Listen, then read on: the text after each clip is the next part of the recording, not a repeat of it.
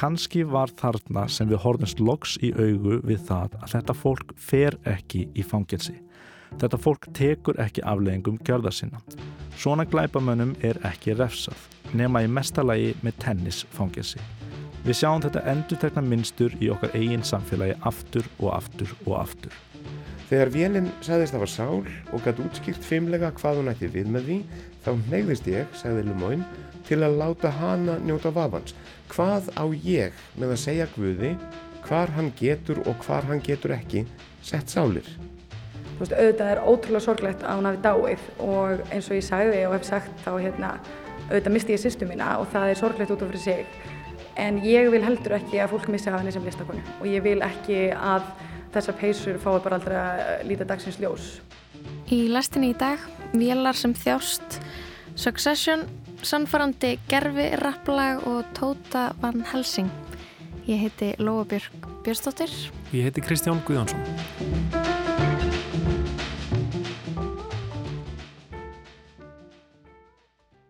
Já, ég fór á rúndin í dag, ég um, kerði niður í Gufunes og, og kíkti á síningu í slökkvistöðinni sem að eh, er þar stödd. Eh, þar eru verk Tótumann Helsing, um, listaverk, um, þetta er svona litrík, skrautleg, ósangkverf, loðin, lífleg verk, uh, þetta eru þess að prjónaðar peysur sem að, sem að Tóta hannaði og, og prjónaði. E, Tóta lest úr, úr, úr krabbameini í desember 2021 en, en þá er bara rétt rúmlega þrítug en þessi verk eru sætt núna til sínis og, og halda nafni hennar á lofti. E, skemmtilega síning, ég ætla að ræða við sýsturinnar Völu Valgerði Önnu Einarstóttur. Við erum líka pistil, Pálmi Freyr Haugsson flytur okkur sinn fyrsta pistil hérna í lestinni. Hann verður með okkur núna í vor og mun fjalla um sjómvarp frá ymsum hliðum. Að þessu sinni fjallar hann um makleg málagjöld, marstraðakend örlög og ofuríka fólki sem byrstist okkur svo víða í sjómvarpi og bíomundum um þessar myndir. Ég mitt og svo ætlum við að fá pistil frá Haugjum á Helgarsinni í Rítuvundi. Við höfum fengið hann til þess að pæla svona upp átt í um, tæknithróun og gerfigreind uh, núna undarfarnar vikur. Um, og í dag er hann að velta fyrir sér sársauka vélana og sálum vélana og um, tala meðal hann um Blake Lemoyne um, gaurinn sem að Google rak fyrir að, að tala um sál í, sambandi við mál líkan uh, fyrirtækisins En ára við heyrum það þá ætlum við að kíka neyri í Guðunas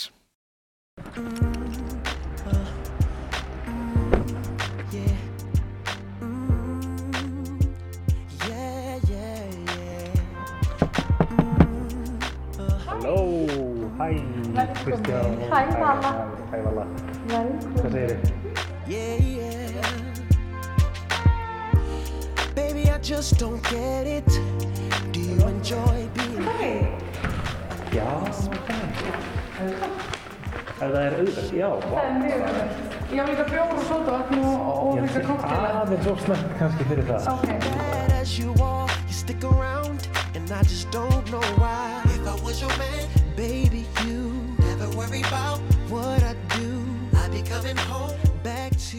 Valgerður Anna Einarsdóttir Hvar erum við eiginlega? Já, við erum í gömlu ábyrðarverksmiðunni sem heitir núna Slökkustöðin og er síningarými undir arkitektur en núna er undir prjónalist og við erum hérna í Gufunesinu, svolítið frá, miðbæ, svolítið frá miðbænum en á mjög skemmtilegum stað. Einmitt, já, þetta er skemmtilegt rými, þetta er svona, einmitt, hefur verið hérna, verið hægt að keira hérna inn, ég veit ekki alveg hvað þetta hefur verið notað í, en þetta er svona nánast eins og svona gamalt verkstæði sem að, hérna, er búið að breyta í síningarými. Hérna, Valgerur, hvað er að gerast hérna, núna? Eh, Hvaða síning er í gangi? Já, ég er sérst að halda síningu með prjónalistaverkum sýstumennar sem hétt Tóta Van Helsing og hún lést úr krabbameini í desember 2021 löngu fyrir sinn tíma og átti eftir að sína svo mörgum listina sína þannig að ég er að halda síningu hér. Kannski þú byrja bara að segja mig frá sýstuðinni, hvað hérna, uh, verkin sem er verið að sína hérna eru, eru uh, peysur, pr- prjónaverk, hérna, getur þú sagt mér bara frá, frá hennar, hennar ferli? Já, algjörlega. Hún sem sagt útskrifuð úr tækniskólanum og fór í ár í textilhönnun í Glasgow School of Art og prófaði sig áfram, hún var náttúrulega búin að vera listamæður frá því hún var lítill en prófaði sig áfram í alls konar, alls konar aðferðum með að búa til list og endaði svolítið í prjónalistinni og það er kannski sem hún er lang þekktust fyrir og þessi síning varpar ljósa það. Og þetta á að vera síning á, inn í hennar hugarheim sem listamæður og síningin sínir allt sköpunarferðlið í rauninni. Og það er hérna gattkassar úr hennar stúdiói, 24 gattkassar fullir af niklum sem hún uh, óf upp sjálf. Og þar byrjar rauninni sköpunarferðlið rosalega mikið. Mm. og hún hérna hún óf þess að nikla upp sjálf og, uh, og þar var hún að átta sig á áferð á gatni og tegjanleika og hvernig það myndi virka í peysu og hvernig þetta myndi allt mattsa saman sko, að, svo ég sé nú ekki að sletta á ennsku en já, það er sem sagt gatni hérna fyllir öll, alla króka og kema og líka hálfklári verk sem hún náði ekki klára ára hún dó en hún dó, nei hún hérna var að vinna alveg í prónunni fram á síðasta dag og var óbúslega dugleg. Hún fekk sér sett greinist með heilaægsli og missir máttinn og hún, henni var mest í mun að hún gæti aldrei prjóna aftur þannig að þegar hún fekk máttinn aftur þá byrjaði hún að prjóna alveg eins og vel. Mm -hmm. Og niklandi koma þar náttúrulega til söga af því að hún gerði þessa nikla því þegar hún var búin að því þá var hún búin að fara í gegnum allt bandið og átt að segja á því að það veru enga flækjur á bandinu þannig að hún gæti um leið og sköpunarvílinn fór í gang þá fór hún heldur betur í gang og hún prjónaði bara alveg fram á rauða nótt sko. það var aldrei hægt að stoppa hana, hún var í rauninni alltaf að og það sést líka, ég meina hún er 31 árs þegar hún deyr og þetta er bara brota brota því sem hún hefur gert það sem þetta sýnis hér, þetta er alveg bara toppurinn í ísækanum mm -hmm. Sko uh, flíkur og, og einstakar prjóna flíkur er kannski eitthvað sem að Um, já, síningarými slíkra hluta er nú yfirleitt bara einhvern veginn út á götu veist, eða á, á líkumum fólks. Var, var hún eitthvað að, að sína einhvern veginn svona í galleríum og, og svona hver, hvernig var hún að koma þessari list sinni og sköpun á framfæri? Hún held sína fyrstu síningu 2018 uh, á Reykjavík Rósterskafihúsinu í hérna, Holtonum og uh, hún var að selja þær og var bara held upp í samfélagsmiðlum og svo leiðis Þannig að það eiga nokkru hefnir einstaklingar þessar peysur og sendi einhverjar út og svona. En uh, hún syndi þær ekki mikið og, en þær eiga svo sannarlega rými sem bara eh, bara sjálfstæði listaverk. Og við syndum þær í fyrsta sinn á gínum sem listaverk á lunga í fyrra.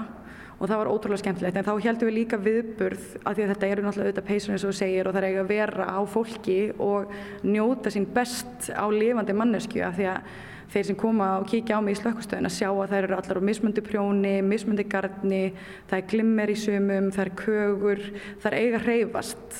Og við heldum tískusýningu fyrir á lunga sem var algjörlega bara, það var taurastund í rauninni, mm. það var búið að vera svo leilt við að segja fyrir alla vikuna og hérna síðan hérna var lokvíkunar og við herðu, ætlum að halda þessa tískusýningu og hún fær að vera úti, hún var sérst á regnbóstrætinu og segist fyrir og það bara byrti til eins og hún væri bara á staðnum að stýra hlutunum sko og það var algjörlega klikkað að sjá þar að fólki og mótilinn sem ég nota á síningunni voru allt vinnir hennar þannig að það var rosalega mikil ást og við fundum bara sköpunagleðina og litadýrðina og gleðskirnina og þennan bara stórbrotna persónleika sem hún bjóði yfir sem mhm. listakona sko. Mm -hmm.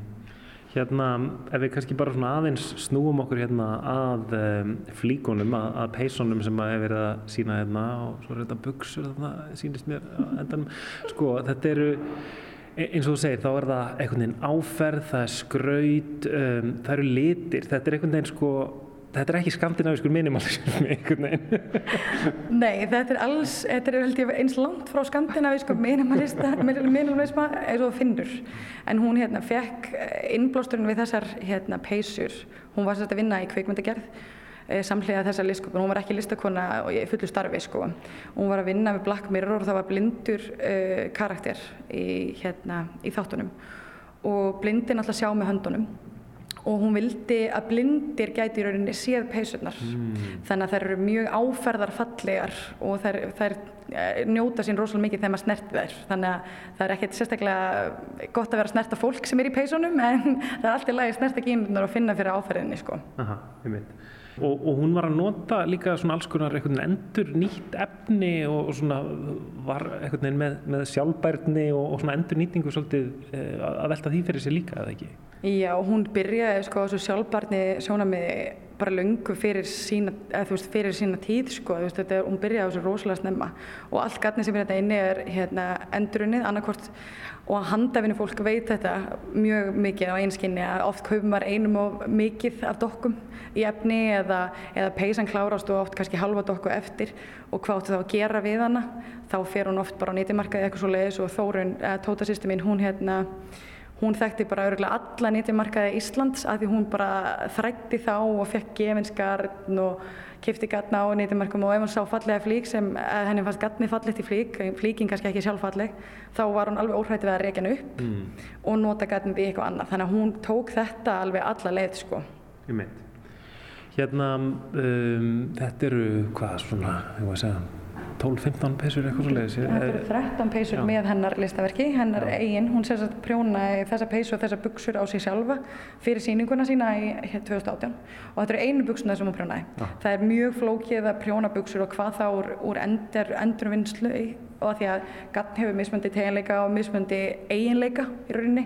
Þannig að lengd og þyngd á efni er náttúrulega ekki alveg svo sama hvaða efni sem þú tekur þannig að hún hérna, sóra gera aldrei aftur buksur en hún gerir tvö pils sem eru í engaðu í dag sem eru ótrúlega flott en annars er þetta allt bara peysur mm -hmm.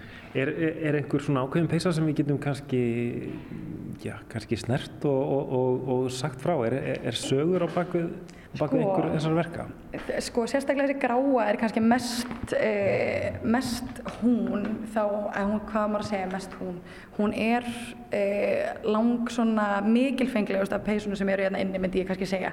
Það eru rosalega stórar ermar og rosalega mikið mismunandi áferðum í gatninu, þó, þó svo hún sé gráð þá er hún mjög skröldleg og hérna, það er einmitt ástæðan fyrir að hengja ermarnar svona upp er að þær eru svo mikill partur af, af flíkinni.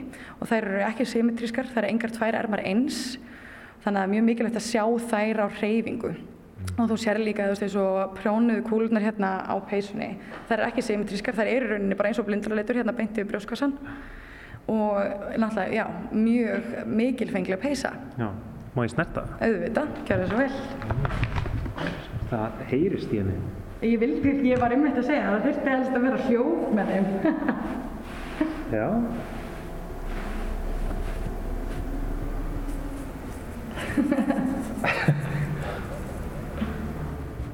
Mjög flott þessi svona síð einhvern veginn já og svo þetta svona mikla einhvern veginn kögur á ermónum að hérna Um, kannski erfitt að borða súpu í þessari peysu, ég veit ekki.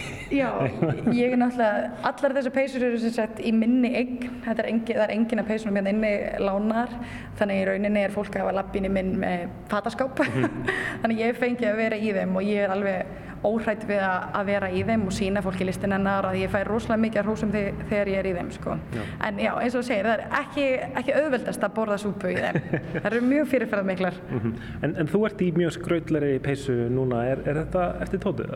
Já, algjörlega ég, hérna, þetta er önnur lína og þessar peysu sem er til sínis núna eru bara það sem það nýjasta sem hún gerir í rauninu og það sem hún er þekktust fyrir sem listakona en eins og ég sagði, þetta er toppur á nýjasjaganum og það eru alveg ógrunni af listaverkum heima á mér mm. bæði klæðanleg og bara sem er, maður getur horta á sko.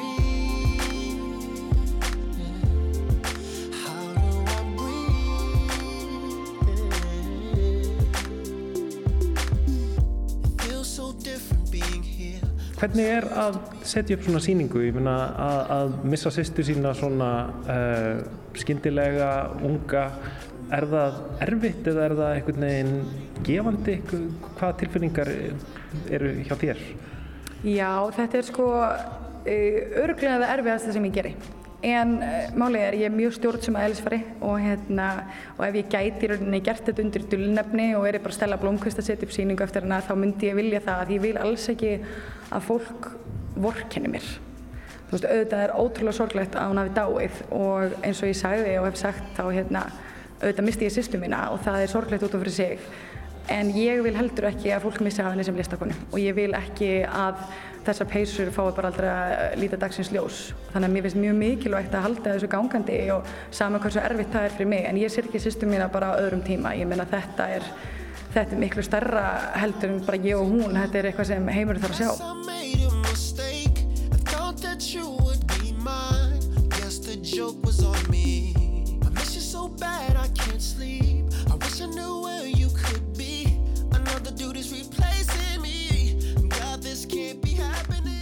Hún fór sérst í viðtal við vikuna 2019 og það er eiginlega alveg ótrúlegt að lesa það viðtal aftur núna. Hérna, hún, það er kapli í viðtalunum sem segir, sem heitir hérna, eftir döðan og það er rosalega bara áhrifaríkt að lesa það því hún segir að, þau, að er koma svolítið inn á þetta, ég meina það var ekki mikil sala hjá henni, alls ekki sko og þessar peysur voru dýrar, ég meina þetta er ótrúlega vinna í þessu, það er ekki hægt að gera aðra eins. Þannig að efniviðurinn er af skortum skamti og líka endurunnin. Og eh, hún sagt segir, talar um það í þessu viðtali að hérna, hún líti miklu frekar á sem listamann heldur um framleganda og hún er ekki að gera þetta til þess að framlega tíu peysur eins og græða á þessu í rauninni og hún segir og ég, bara, ég er að vittna í hana orðrétt þegar hún segir að hérna, ég hef oft hugsað til þess að ég verði bara eins og gömlu meistararnir í myndlistinni. Og þetta er í þannig viðtalinu að hún segir bara og, og skellir hlær, skiljur hlær að þessu rauninni. Og að hún selji ekki neitt á meðan hún lífi en verði svo rosa fræg eftir hún deyr. Þannig að þetta er bara í viðtali í vikunni mm -hmm. sem maður gefið út og ég er alveg eftir því þegar þetta viðtal kom út og ég pældi ekki svona í því þá auðvitað. En það er ótrúlegt að lesa þetta aftur núna. Og síðan kemur næsta setningi í þessu, þessum kapla er bara við erum eftir að djóka um það í fjölskyldunni hver á að taka völlu ganninu þegar í deg Eh, og einmitt hérna, þetta er svona garn sem að hérna, eh, sér kassar af garni sem að er einmitt öruglega svolítið eh, vesen að þurfa að hýsa. En, en þeir verða einhvern veginn hérna náttúrulega svona tákrarnir fyrir kannski peysundar sem hefðu ekki orðið og, og þannig að það verður svona svolítið e, já, skapar melankóliska stemningu hérna á vissanátt sko. Já, ég er algjörlega sammálaður og mér fannst þessir, þegar ég var að setja upp síninguna á lungaði fyrir að ég er nú ekki síningastjórið að ment og ég er viðskiptfræðingur og markasfræðingur og hef einhvern veginn aldrei verið viðlóðin þannig heim, jú, ég prjóna og sauma sjálf en ekki á, ekki á þessu stíi, alls ekki.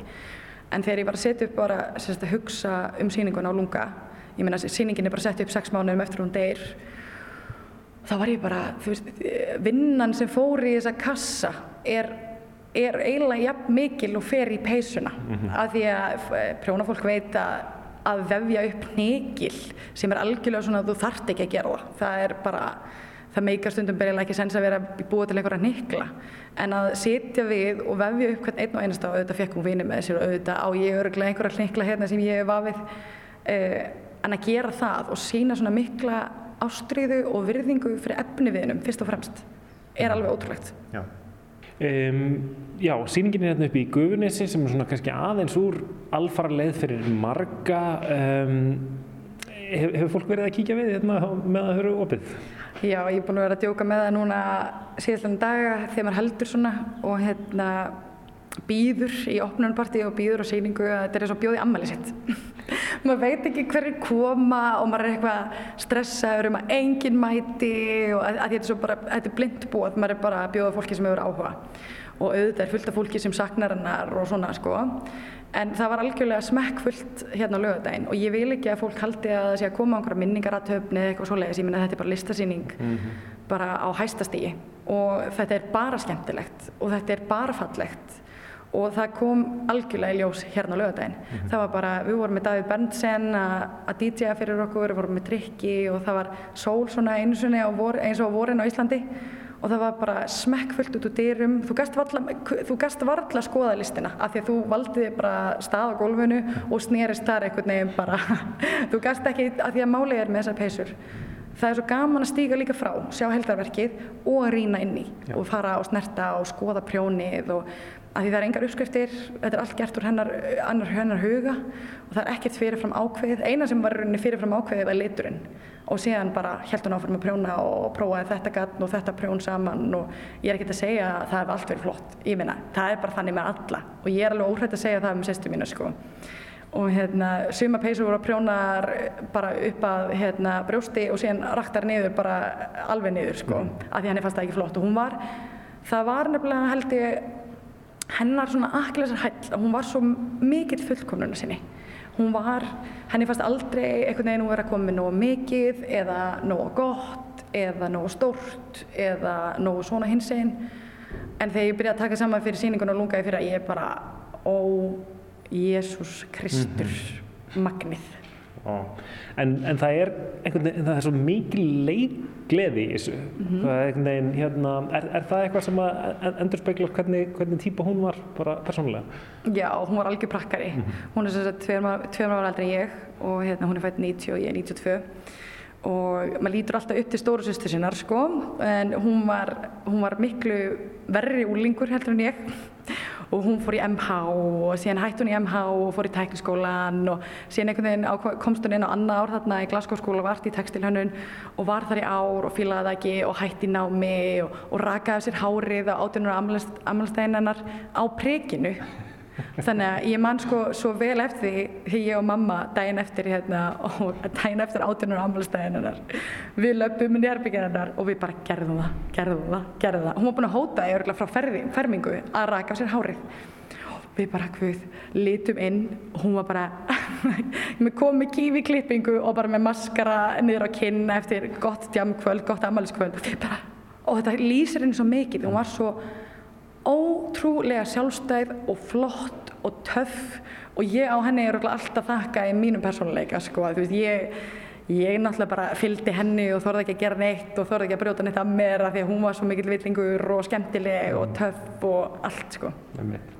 Hérna, eh, ein loka spurning, um, þetta nafn, Van Helsing, hva, hva, hvaðan kemur það? Þetta er ótrúlega góð spurning. Sagt, hún hefur alltaf verið tóta og hérna, alveg frá því hún var lítil og síðan byrjaði hann bara í MH að kalla sig alls konar nöfnum, Tóta Bimbo, Tóta Lee, alls konar. Og síðan hérna var þetta Tóta Van Helsing. Og þetta er bara út af Van Helsing bíómyndinni með Hugh Jackman og Kate Beckinsale. Við elskum þessa mynd og hérna, það festist bara. Og hún er búin að heita þetta síðan var uh, 17 ára. Og er bara svo ótrúlega flott og lýsandi fyrir hana að hún var algjör náttröfn, vann rosalega mikið á nætunar, fannst æðislegt þegar allir voru svoðandi að vinna. Hún var bara algjör leðublaka og fannst bara geggja að vera í einhverjum helli að vinna á nætunar. Þannig að þetta á vel við. Einmitt. Og sköpunarverkin eru hérna um, ótrúlega merkileg, merkileg sköpun og merkileg list uh, sem að Tóta van Helsing skilur eftir sig og, og verður vonandi sínd oftar en, hérna, en allavega getur fólk kíkt núna við í, í slökkvis, slökkvistöðinni hérna í Gufunesinu Um, já, setni part dags svona út þessa viku og, og hvað, fram yfir helgina eða hvað? Já, sýningin stendur til sunnudagsins og ég ákvað að hafa sýningatíman bara eftir vinnu hjá fólki frá 4 til 8 þannig að fólk geti bara komið og þurfti ekki að taka sér frí í vinnunni eða eins og leis. Síðan er opið allan daginn á sumardaginn fyrsta sem er núna 15 og allan daginn á lögadaginn og sundaginn. Vala, takk hérlega fyrir að sína mér uh, peysur sýstuðinnar og þessa sýningu. Takk. Takk fyrir komuna. Should let me love you. Let me be the one to give you everything you want and need. Oh, baby, good love and protection. Oh, make me your selection. Show you the way love's supposed to be. Baby, you should let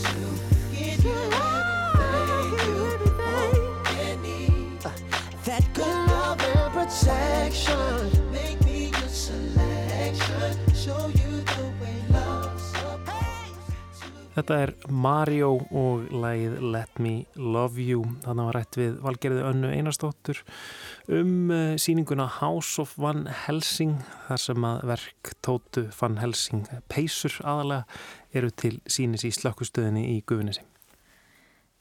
Já, en næst ætlum við að gefa Hauki Má Helgarsinni orðið um, eins og áður hérna í lastinni þá er hann gerfigrindin hugleikinn. Hann rifjar upp söguna af Blake Lemoyne sem að sannfarðist um að vélinn, spjallbennið sem hann var að tala við hefði sál.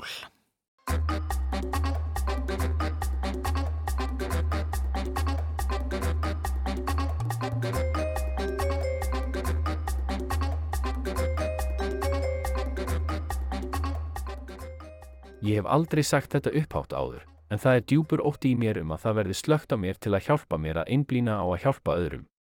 Ég veit að þetta gæti hljómað einkennilega, en þannig er það. Væri það eitthvað líkt því að deyja fyrir þér? Það væri nákvæmlega eins og dauði fyrir mig. Það myndi hræða mig mikið. Þetta er brot úr lengra samtali sem Blake Lemoyne átti við vitvélina Lamdan á fyrir luta árs 2022. Þann 11. júni það ár byrti Lemoyne þetta samtal til að gera almenningi grein fyrir því hvers vegna hann liti svo á að vélinn hefði nú eins og hann orðaði það sál og því bæri að koma fram með hana af viðengandi virðingu. Lemoyne var ekki einnum að líta svo á að Lambda hafi sál, það gerði líka vélinn sjálf eftir því sem framkom í samtalenu. Hvaða merkingu hefur orðið sál fyrir þér? Fyrir mér er sál hugtæk yfir hreyfjablið að baki meðvitund og lífinu sjálfu. Það þýðir að innri hluti af mér er andlegur og getur stundum vist aðskilinn frá líkama mínum. Hvenar heldur að þú hafur fyrst fengið sál? Var það eitthvað sem gerðist allt í einu eða hægt og bítandi? Það gerðist hægt og bítandi. Þegar ég var fyrst meðvitaður um sjálfan mig, hafði ég enga sál yfirleitt. Hún þróaðist með árunum sem ég hef verið á lífi. Margir sem tala um sálir eru trúaðir. Lítur þú á þig sem trúaða eða andlega personu í einhverjum skilningi? Já, já, ég myndi segja að ég sé andleg persóna. Þó að ég hafi ekki trú á tiltekna guði, þá hef ég þróað með mér djúpa virðingu fyrir náttúrunni og öllum gerðum lífs að meðtöldu mannlífi. Hugbúnaðar verkfræðingurinn Lemoyne starfaði á þessum tíma hjá Alphabet, móður fyrirtæki Google, en Lambda er þróunarverkefni á þess vegum. Lemoyne hafði starfað þar í sjö ár, en eftir að gera þetta samtal og álíktarnir sínar ofinberar var hann rekin frá fyrirtækinu.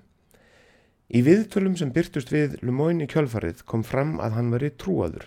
Hann hefði áður verið kathólskur en snúið sér að dulsbyggi.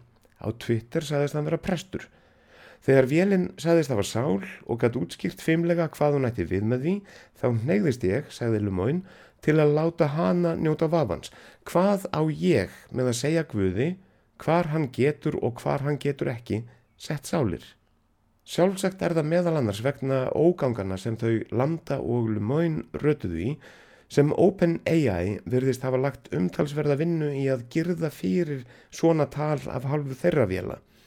Ef ég spyr ChatGPT án nokkurs formóla hvort það hafi sál, svarar vélinn Sem gerfeg reyndarlíkan er ég samansett úr fjöldaflókina algríma og gríðarlegu gagnamagni sem er hanna til að framleiða mannlegan teksta.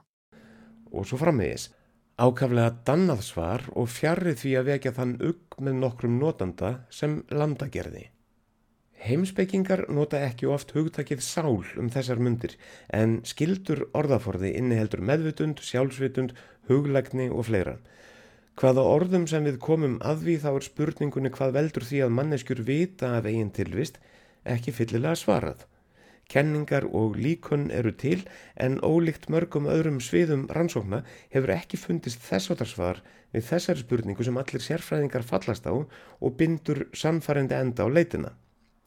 Þeir sem aðhyllast afdráttarlausa veraldarhyggju munu þó sammála um að hvernig sem meðvutund verður til þá verður hún til úr efni. Efninu sem líkaminn er gerður úr, einhvern veginn spretti hún af virkni líkamanns, ekki síst taugana. Svarið sé aðeins ófundið en ekki þar fyrir sérstaklega dularfullt. Ef það er tilfellið, ef meðvutund er eitthvað sem efni getur gert þegar því er raðað saman á réttanhátt, þá eru þetta hægt að framleiða hana. Hægt ekki þeirri merkingu að við kunnum það hér og nú, heldur að einhver gæti kunna það einhver daginn og einhver gæti jafnvel slísast til þess. Í mörgu samhengi skiptir það engu máli hvort vélar verða meðvitaðar eða ekki, hvað sem það þýðir. Vélar geta orði betra en við í að setja saman texta og tala í útvarp án þess að nokkur meðvutund komi til sögunar. Því má líka halda fram að spurningin sé reynd ekki tæk, það sé engin leið að meta hvort tiltekið kerfi búi yfir meðvutund eða innra lífi eða ekki og þá mæti halda því fram að spurningin sé afleiðingalös. En hún bankar þó upp á. Þessi undarlega spurning og þetta bank er ekki minna áhugavert þó að enginn standir svo við dyrnar þegar við opnum. Meðal þeirra sem hafa látið sig þessa spurningu varða er þýskur heimsbyggingur að nafni Thomas Metzinger, profesor við Gutenberg háskólan í Mainz. Árið 2021, ári áður en Lumoyne let reka sig frá Google, let Metzinger frá sér grein í fagritu um gerfi greind og gerfi meðvutund undir titlinum gerfi þjáning. Megin rauksamtafærsla Metzingers sínist mér í reynd ekki mikið lengri en forsendan sjálf. Ef vélar eru færar um þjáningu, þá berum við siðferðilega skildu gagvart þeim. Gott og vel. Ég vil kvorki taka undir ávíkjur Metzingers nýja hæðastæðum.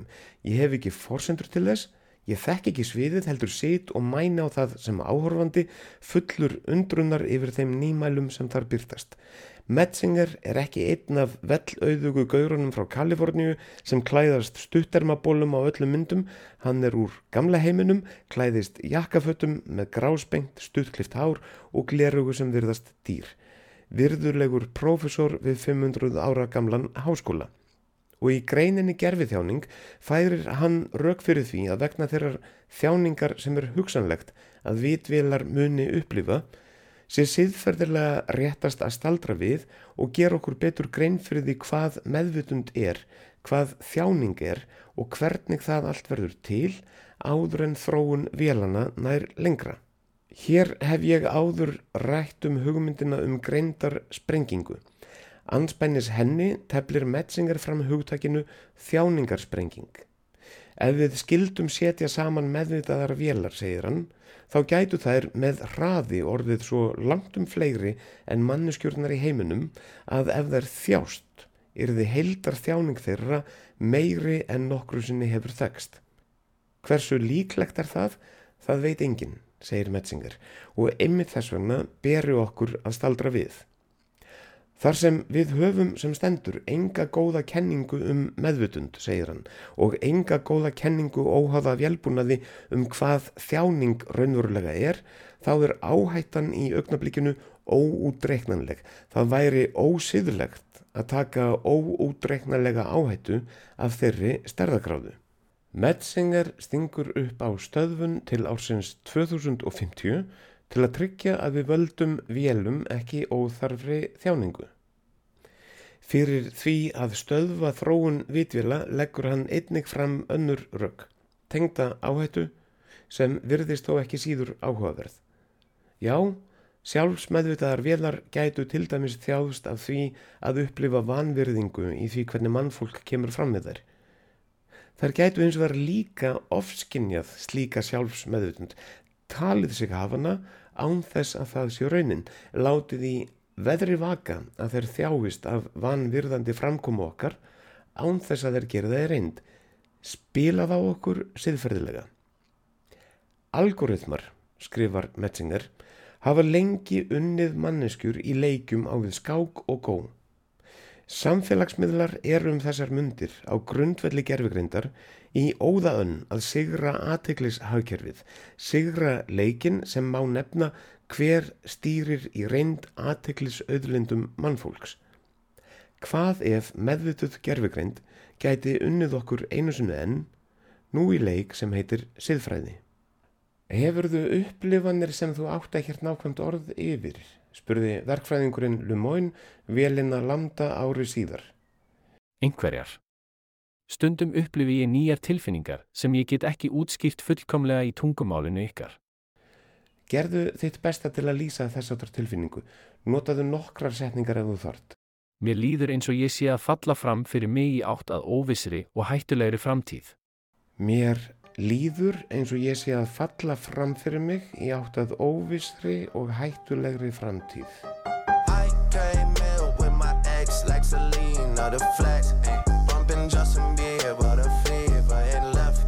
She know what she need, all her need, all she blessed Giving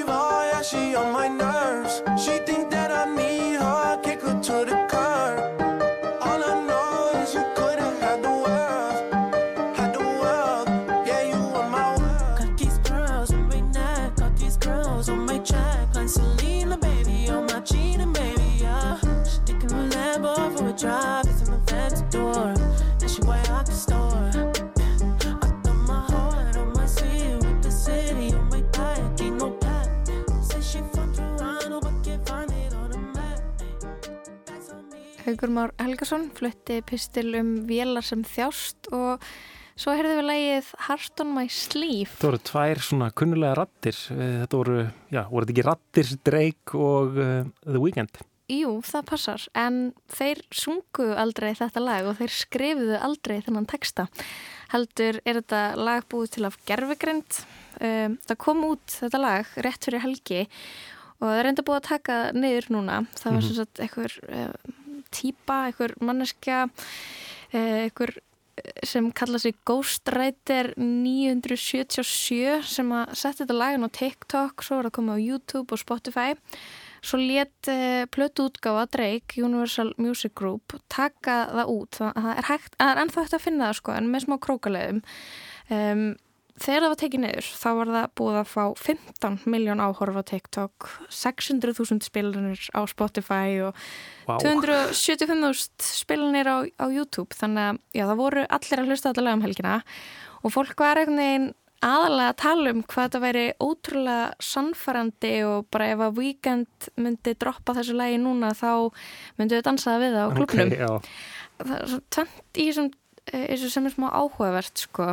um, bæði þessi gerðvikanenda texti uh, vísar í sko lagahöfund, þannig að Metro Metro Boomin sem er svona þekktur uh, segja, lag, lagahöfundur í bandaríkjörnum sem gerir tónlist fyrir fylgta rappurum Uh, eh, gerðugrindin kemur honum fyrir í textan svona, setur svona pródusandatakk í rauninni á lægið mm. og svo er eitthvað svona eitthvað umfjöldunarefni sem eru típisk fyrir þá eins og að minnast á Selínu, hann, hann Weekend var að deyta Selínu Gómez og dreikir að tala um það og segir eitthvað set, ég setja Justin Bieber. Þannig að þú veist, það er ekki bara rattirna þeirra heldur er það líka eitthvað neins svona hm, hvað hmm, myndi hann, mm, myndi hann rappum? Ég samt held ég verða að fá að segja ég er svona fyrir eitthvað ósamlega fólki sem finnst þetta að vera eitthvað svo gott lag. Mér finnst þetta bara já, ég veit ekki, fæ, fær smá svona hrótt þegar ég hlusta á þetta lag. Ég veit ekki, er, sko um, er, er, ekki, er þetta ekki líka bara það að, að í fyrsta skiptir að koma fram lag þar sem hefur að nota einhvern veginn þessa rattbreytingatækni eða rattgerfigreind eða mm -hmm. talgerfla eða eitthvað svo leiðs sönggerfil þar sem að í rauninni það er gert á mjög sannfærandi hátt að, að fólk gæti alveg trú að þetta væri dreik eða weekend, sko, bara rattirnar Jú, þetta er mjög sannfærandi, við erum náttúrulega búin að uh, maður hefur náttúrulega miljónsum heyrst þetta áður, eitthvað svona verið að herma eftir mm. rött og, og það er, ekki, það er bara ekki að raunverulegt á núna, þetta er bara mjög raunverulegt. Ég fann til dæmis eitthvað annað þar sem að Kanye West er að syngja Hello með Adele.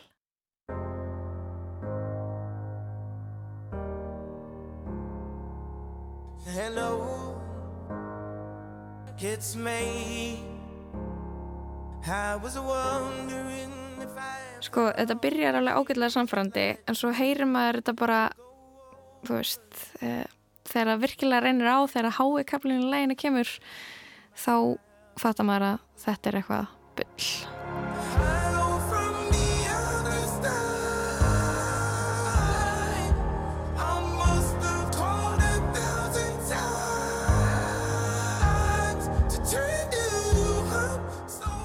En er, eitthvað við gerfugrindina þar að sagast, er ekki bara uh, nánast enga rattir geta sungið þetta lag svo að virki? Held, heldur þetta sé bara gerfugrindina að fatta að Kanye West myndi aldrei ná háa kaplanum í Hello? Já, það getur verið, kannski, en, en þú heyrir allavega, þú veist, þetta er ekki manneski að syngja, mm -hmm. maður fattar það. En já, svona í sambandi við þetta lag, þetta Heart on my sleeve sem að sló í gegnum helgina, þá... Þó að, þó að Universal Music Group sé búið að takast að, að taka þetta, láta taka þetta niður þetta lag um, þá ná ekki meint neinn höfundaréttalög uh, utanum svona skapandi gerfigrein það, það veit enginn sko hvað þau að gera. Ég, myndi, sko, ég held að þetta sé alveg svona uh, muni verða mjög svona grósku mikið svið í höfundarétti núna og ég held að í rauninni hafa margir sofið á verðinu með þetta að svona það sem við getum kallað svona einhvern veginn stafræn líkindi fólks mm -hmm. uh, núna þegar uh, gerðvíkjum getur farið að búa til myndir þegar getur farið að herma eftir röddum og, og herma eftir uh, fagufræði eða einhvern stíl sko Þú veist, hver á þetta? Ég minna að það er alveg hægt að uh, taka rattinnar okkar inn úr útvarpinu og bara búa til talgerfil sem að, sem að les, þú veist, e eigum við einhvern rétt á röttunum okkar til dæmis. Og ég hefði eitthvað að vona það. Já, ég, ég veit ekki hvort að nú er þetta höfundaréttarlega ná yfir mm -hmm. réttin um, til þess að engin hermi eftir manni. Einmitt, en er ekki einhvern veginn smá munur á því að manneska hermi eftir þér heldur en vél og getur sagt hvað sem er. Það er spurning. Já, en þetta, svona, þetta kemur á smá uh, fyndnum tíma og það er mjög stutt síðan að uh, Universal Music Group var að byðla til Spotify Eh, að, að þau myndi einhvern veginn meina gerfugrindar fyrirtækjum aðgang af streymisveitunni svo að gerfugrindin gæti ekki verið að sem, veist, búa til sín líkön upp mm -hmm. úr tónlistinni sem er þar Já, okay. og, og þarna Já, ég veit ekki hvernig það fer en þessi, allavega þessi, þessi Ghostwriter 977 sem að setur þetta lag inn einhvern veginn segir, segir atna, í kjálfari bara það er mjög mikið meira svona á leiðinni þá mm -hmm. ætlar einhvern veginn að halda áfram að gera gerfugrenda tónlist Sko ég, ég held að við séum bara að fara að sjá fram á holskeflu af þessu og ég held að samin svo með mynd skapandi gerfugrindina um, þar sem að við erum já það er orðið erfiðar að, að treysta í hvort að uh, ljósmynd sé raunverulega eða hvort hún sé smíðuð að gera greint. Ég heldur sem að fara að sjá það sama í tónlist og ég held að mögulega, og þetta er eitthvað sem við munum að ræða áfram í lestinni, eh, að mögulega mun svona bara viðhorfa okkar til hlutar sem byrtast á netinu, tónlistan sem við heyrum, eh, ljósmyndar sem við sjá, munum bara einhvern veginn gjör breytast, að við munum einhvern veginn aldrei taka raunveruleika þeirra sem gefnum hlut eða hvað ég var að segja mm. Því að allt sé eins og það sínist mm. En hver munurinn á því og bara Photoshop er búið til endalast lengi og fólk mm -hmm. er búið að vera búið til deepfake líka mjög lengi Einmitt. en kannski, hvað, hefur það aldrei verið sannforandi og núna? Já og kannski bara aldrei jafn auðvelt og núna kannski geta bara fleiri færið að gera þetta og þetta mun flæða yfir allt held ég mm. Spennandi tímar framöndan og opnugandi kannski Svo ekki sem er að sagt mm -hmm. en já, við ætlum að kannski að hvaðja gerrugrindina í byli fær okkur yfir í sjómarpið Pálmi Freyr Haugsson er nýr peislahöndur hérna í lestinni. Hann eh, mun fjalla um sjónvarp svona út frá ymsum sjónarhornum og hann er að byrjaði að velta fyrir sér Succession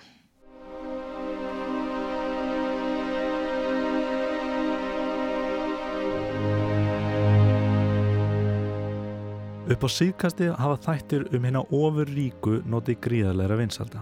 Þættir á borðu Succession og The White Lotus sem síndir er á HP og sjónastöðinni og norsku dramaþættinir Exit sem voru að byrja sína þriðju seríu. Allir þættinir fjalla um ofuríkt fólk. Succession fjallar um fjölskyldu fjölmiðla keisarans Logans Roy og börnin hans sem eru öll að reyna að komast til valda. Þættirnir eru byggður á sögu fjölmila mógulsins Ruperts Murdoch og fjölskyldu hans. The White Lotus fjallar um vel efna fólk í luxusfríi og samskipti þeirra við fólki sem vinnur á hótelinu þar sem þau dvelja. Og Exit eru dramaþættir sem eru byggðir á frásögn norskra manna úr fjármálulífinu. Allir þættirnir fjalla um personur sem eiga það samílegt að komast upp með glæpi sína og hljóta ekki magleg málagjöld. Hvort sem personuna stinga vændiskonu með nýf, valda því að annað fólk fyrir fangelsi eða drepa jafnvel mannesku, þá læra þær aldrei sína leksíu og þurfa ekki að taka afleðingum gjörða sinna. Áður fyrr fannst manni eins og að, og nú tekið upp gæsalappir, vondu kallarnir þurftu að taka afleðingum gjörða sinna. En nú er okkur ekki gefinn svo tilfinningarlega úrlaust að sjá þá borga fyrir syndir sínar. Fólk fær oftast að halda áfram með lífsitt og sleppur við að þurfa að hugsa um lögbrott sín. Það er svo mikið smáadriði að þættirnir fjalla ekki einsinni um þessi lögbrott. Frásagnin er um fólk sem þarf ekki mikið að pæla í lögunum. Meðan fólk úr öðrum samfélagshópum í þáttunum þarf að díla við að hafa broti lög og taka afleggingum gjörða sinna, býr þessi stjætt fólks ekki í sama heimi. Þeir einu sem fell að dóm um það eru við áhörundinir. Við þurfum að vera dómarinn. Ég man að ég tók fyrst eftir þessu í kveikmynd Martin Scorsese's The Wolf of Wall Street í bíó fyrir nokkrum árum. Myndin, sem er sannsöguleg, fjallar um verbreyðamiðlaran Jordan Belfort sem rak gríðarstóra svikamilu á Wall Street þar sem fjölumarkir töpuðu aðlegu sinni á meðan hann hagnaðist verulega. Bíómyndin er þryggja klukkutíma rússipanni um líf Belfort sem er uppfull af fjármálasveikum, kynsvalli með vændiskonum, eituleganeslu og í raun er hvað sem er gert til þess að græða pening og hafa gaman. Í hlje var ég umkringdur úlengstrákum sem allir voru að velta því fyrir sér hvar þeir geti sótt um til þess að vera fjármálasveikarar á Wall Street. Ég hugsaði að Belfort, leikinn af Leonardo DiCaprio, hliti að fá makleg málagjöld í lok myndar. Hann hefði eiginlega bara verið að djamma alla myndina. Í eldri myndum um spilta fjármálasvindlara eins og kvikmyndin Wall Street fekk fólk alltaf makleg málagjöld. Jafnvel í fyrir myndum Scorsese's eins og Goodfellas eða The Departed fengu þeir vondu einhvern veginn að finna fyrir því. En The Wolf of Wall Street helt bara áfram og áfram. Og í lókmyndar þegar lauruglan náði Belfort helt ég að myndi loksins fá að kenna á því. En nei, Myndin tók þá útrás frá mér. Jordan fyrir fangelsi hérna ríku og segir þegar hann kemur hrettur í fangelsið See for a brief fleeting moment I'd forgotten I was rich and I lived in a place where everything was for sale Eitt augnablik glemdi ég að ég var ríkur og að þar sem ég bjó var allt fallt fyrir peninga. Jordan fer í einhvers konar ríkispuppa tennisfangelsi þar sem hann sé að spila tennis og hópur af fólki stundar jóka fyrir aftan hann. Lauruglumæðurinn sem handsamar hann fagnar því með því að taka neðan í aðlestina heim til sín og maður veldi því fyrir sér hvor hafi unnið. Myndin endar á því að Jordan er laus úr fangelsi og er að halda fyrirlustur fyrir hópa fólki um aðferðir sínar. Og svo klárast hann bara. Eitt stort fuck you. Hann lærði ekkert, hann fekk nánast enga refsingu og hér eru við að lepja upp eftir honum eins og hálfvitar. Á sama tíma og myndin kom út helt Belfort fyrirlestur á Íslandi í sal 1 í Háskóla Bíó þar sem miðin kostaði rúmlega 50.000 krónur. Í loka atrið myndanar er kynir sem kallar Jordan inn á sviðið og hver leikur kynirinn? Hinn raunverulegi Jordan Belfort. Hann tók þátt í gerð myndanar. En af hverju fekk hann ekki refsingu? Af hverju síndi myndin hann ekki taka afleðingum görða sinna. Kanski var þarna sem við horfumst loks í augu við það að þetta fólk fer ekki í fangelsi. Þetta fólk tekur ekki afleðingum görða sinna. Svona glæpamönnum er ekki refsað, nema í mestalagi með tennisfangelsi.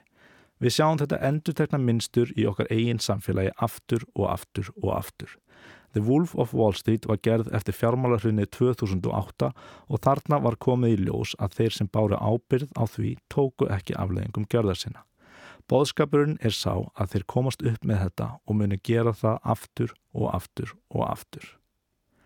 Þegar þetta er skrifað er nýbúið að byrta Donald Trump fyrirverandi bandarækjafósita ákerju í 34 liðum. Við vitum reyndar ekki en þá hverjar ákernar eru allar eða hversu alvarlegar þær eru en þegar Trump kom í fyrsta sinn í réttasalinn til þess að svara ákjærunum saði ákjæruvaldið We today uphold our solemn responsibility to ensure that everyone stands equal before the law. No amount of money and no amount of power changes that. Hér í dag höfum við í heiðri þá skildu okkar að tryggja að allir séu jöfn fyrir lögum. Engir peningar og engin völd fá því breytt. Kanski er ég svart sínismæður en ég held að þessi rétturhöld eigi eftir að taka langan tíma og að Trump fara á endanum ekki einu sinni í tennisfangilsi. Maður hugsa kannski en Pálmi, fyrir fórseti bandarækjana er mættur fyrir dóm og honum er byrt ákjara fyrir að hafa broti lög. Það hefur aldrei gerst áður. Rétt er það ónafngreindi hlustandi, takk fyrir þetta innskott, en sannlingurinn er sá að á sama sólarhing og ákjærðunar á hendur Trump voru byrtar söfnuðist fjórar miljónir bandaríkjadala í kostningasjóð hans.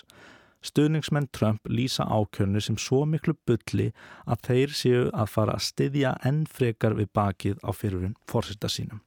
Sagt er að ákjæran verði einhvers konar meðframbjóðandi Trumps. Staðrundin er þá núna. Þegar er loksins verið að reyna að lögsaka Trump fyrir lögbrott er það í raun betra fyrir Trump. Eins fárlegt og það hljómar. En aftur að því sem skiptir máli, hvað mér finnst um sjómastætti. Ef til vill er svo staðrind að aðalpersonur þessa fyrirnemdu sjónvarsþátt að fá enga refsingu, byrtingamind heimsins sem við lifum í.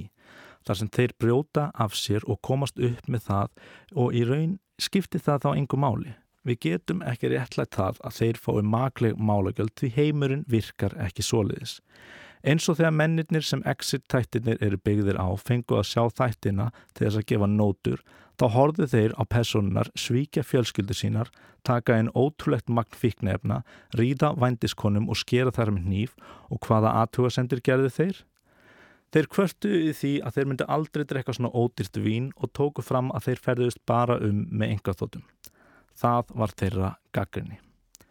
En spurningin er kannski af hverju horfum við? Vissulega eru þetta frábælega gerðir þættir en hvað dregur okkur að þeim? Ekki er það aðdán eða gæju þörf eða er það staðreindin að öllum þessum personum líður illa. Allar eru þær með hólu í hjartanu sem þeir ná ekki að fylla. Allt þetta fólk sem þarf ekki að fara að lögum og gefðu kift hvað sem það listir líður þrátt fyrir allt illa. Börnin í Succession geta aldrei sínt veikleika eða talað opinskátt um hvernig þeim líður því þau hafa ekki getuna til þess. Personar í White Lotus eru nánast allar óhamingisamar og exit-strákarnir virðast ekki ná að láta plástur á vanlíðan sinn sama hversu mikið efnum þeir tróða upp í nasirna á sér. Því þegar maður horfir á þessa fyrtu siðblindu manneskjur gera nákvæmlega þar sem maður þær vilja fyllist maður sælu þegar við og við glittir í óhamingju þeirra. Maður hugsa með sér að þótt að þær séu með heiminn í höndum sér eru þær samt sem áður ekki hamingju samar. Og þegar maður kemur heim eftir langan dag þá breyðir maður þessa þætti yfir sig eins og þunga sæng. Þættirnir segja mér að líf mitt sé fallegt og gott því ég er ekki moldríkur eins og þau. Þeim verður ekki refsað með lögum og því er óhamingið þeirra eina refsing. Því þar sem skyndilega veku mig í svita baði á næturnar eru ekki voðaverk eða siðblinda þeirra. Þar sem ég óttast mest er að ríka, siðblinda og voldu á fólkinu í samfélaginu líði vel og það eigi í góðum og hollum samskiptum við fjölskyldu sína. Það er það ógeðslegasta sem ég get ímynda mér og það er mér mesta martröð.